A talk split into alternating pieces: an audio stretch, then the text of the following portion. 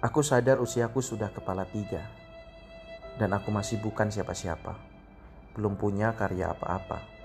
Bahkan untuk diriku sendiri pun jiwaku masih lantang berteriak masih sangat rapuh. Apalagi untuk sebuah negeriku, masih sangat tak ada apa-apanya. Lima tahun yang lalu aku menulis sebuah cita-citaku, mimpiku sendiri, membangun sebuah kerajaan bisnis. Dan kini aku gagal. Aku harus terus terang dan menyampaikan ini ke khalayak. Paradoks memang sikapku ini. Di saat lain mengabarkan cerita kesuksesan, aku justru cerita kegagalanku dalam menaiki anak tangga mimpiku sendiri. Jangan tanya tentang arti kesedihan kepadaku saat ini, karena aku mampu memberikan beragam definisi tentang sedihku ini. Jangan tanya pula arti tentang kekecewaan kepadaku, karena aku mampu memberikan makna yang dalam tentang kecewaku ini. Aku tidak sedang meratapi kesedihanku ini bukan. Aku juga bukan mencari kambing hitam atas kegagalanku. Apalagi mencari-cari belas kasihan, bukan itu maksudku. Aku hanya ingin cerita saja tentang gagalku meraih mimpiku. Karena bisa jadi dengan ceritaku ini, aku bisa lebih lega, ingin meluaskan jiwaku, atau bisa jadi juga sebagai cara untuk menghukumku jadi alasanku ceritakan kegagalanku ini sebenarnya sangat pribadi. Aku sendiri tak tahu apakah kegagalanku ini akan merubah mimpiku atau merubah atas cara aku melihat hidupku ini. Aku tak tahu. Aku lelah setelah kakiku yang terus melangkah. Kegagalanku ini menamparku sangat keras dan aku kalah. Kalau kau ingin tahu kondisiku, maka bayangkanlah pohon akasia yang sedang menggugurkan dedaunnya di saat kemarau. Satu persatu dedaunnya jatuh dan akasia hanya menyisakan ranting yang kering. Itulah kondisiku. Mimpiku porak-poranda. Aku tak memiliki semangat yang menyala-nyala. Api semangatku sudah redup, sangat redup. Tak tahu harus bagaimana menjaga lagi semangat itu agar redupnya tak semakin kecil apalagi padam. Hingga akhirnya aku mengingat sebuah nasihat. Isinya kurang lebih begini. Jika kau ingin tahu nasihat hari ini yang ingin kau dapat, maka bukalah Al-Quran dan bacalah ayat dan artinya di ayat yang pertama kali kau buka itu, maka itulah nasihat Tuhan kepadamu hari ini. Lalu aku buka Al-Quran dan aku tertuju pada surat Al-A'raf, tempat yang tertinggi ayat 201. Sesungguhnya orang-orang yang bertakwa bila mereka ditimpa was-was dari syaitan, mereka ingat kepada Allah maka ketika itu juga mereka melihat kesalahan-kesalahannya. Aku merenungi dalam-dalam ayat itu. Aku bertanya dalam hatiku saat aku buka Al-Quran dengan maksud untuk mendapatkan nasihat atas diriku ini, aku dituntun di ayat itu.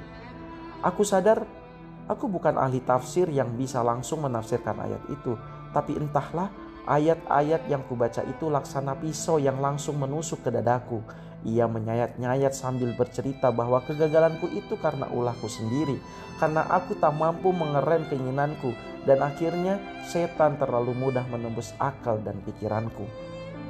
Aku melangkah seakan-akan benar, padahal aku sudah terlalu jauh dari mimpiku yang hakiki. Orang-orang di sekelilingku mencoba untuk menasihatiku. Aku lalu mencari alasan pembenar atas langkahku. Bahkan kadang aku berpikiran, Orang yang menasihatiku itu tak tahu apa-apa tentang mimpiku. Aku yang lebih tahu. Aku akhirnya menganggap apa yang ada di depanku adalah peluangku yang pasti aku raih. Aku rengkuh semuanya itu walaupun dengan memaksakan. Segala daya upaya aku ambil.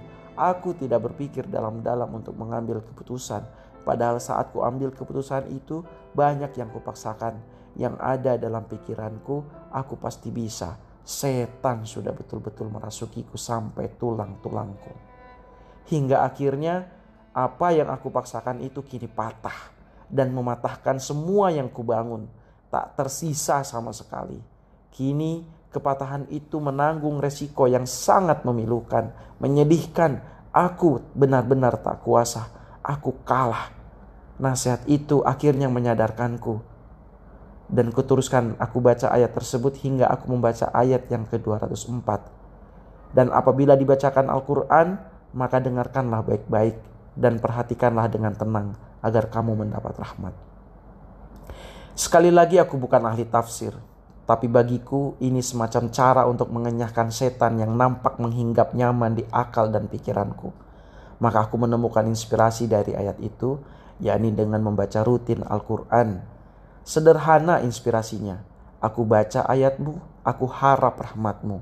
Walaupun sebenarnya membaca Al-Quran bukan sesuatu yang baru, karena biasanya menjadi rutin. Kini sudah dua bulan aku rutin membaca Al-Quran. Aku merasa ketenangan. Aku merasakan kesejukan. Walaupun patah-patah itu belumlah sembuh, masih berserak. Tapi entahlah, aku merasakan lebih segar. Semangat yang redup mulai kembali menyala. Dan gelora mimpiku yang hampir tenggelam mulai mengaliri aliran darahku. Aku serasa hidup kembali.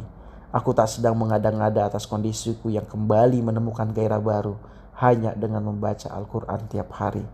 Ini benar-benar nyata, senyata matahari yang terbit tiap harinya. Kini rahmatmu mulai bekerja. Aku sangat merasakan itu. Dan kini pula aku sedang disibukkan dengan kerja-kerja membangun mimpiku. Dan aku kembali menaiki anak tangga mimpiku dengan optimis. Sangat bergairah.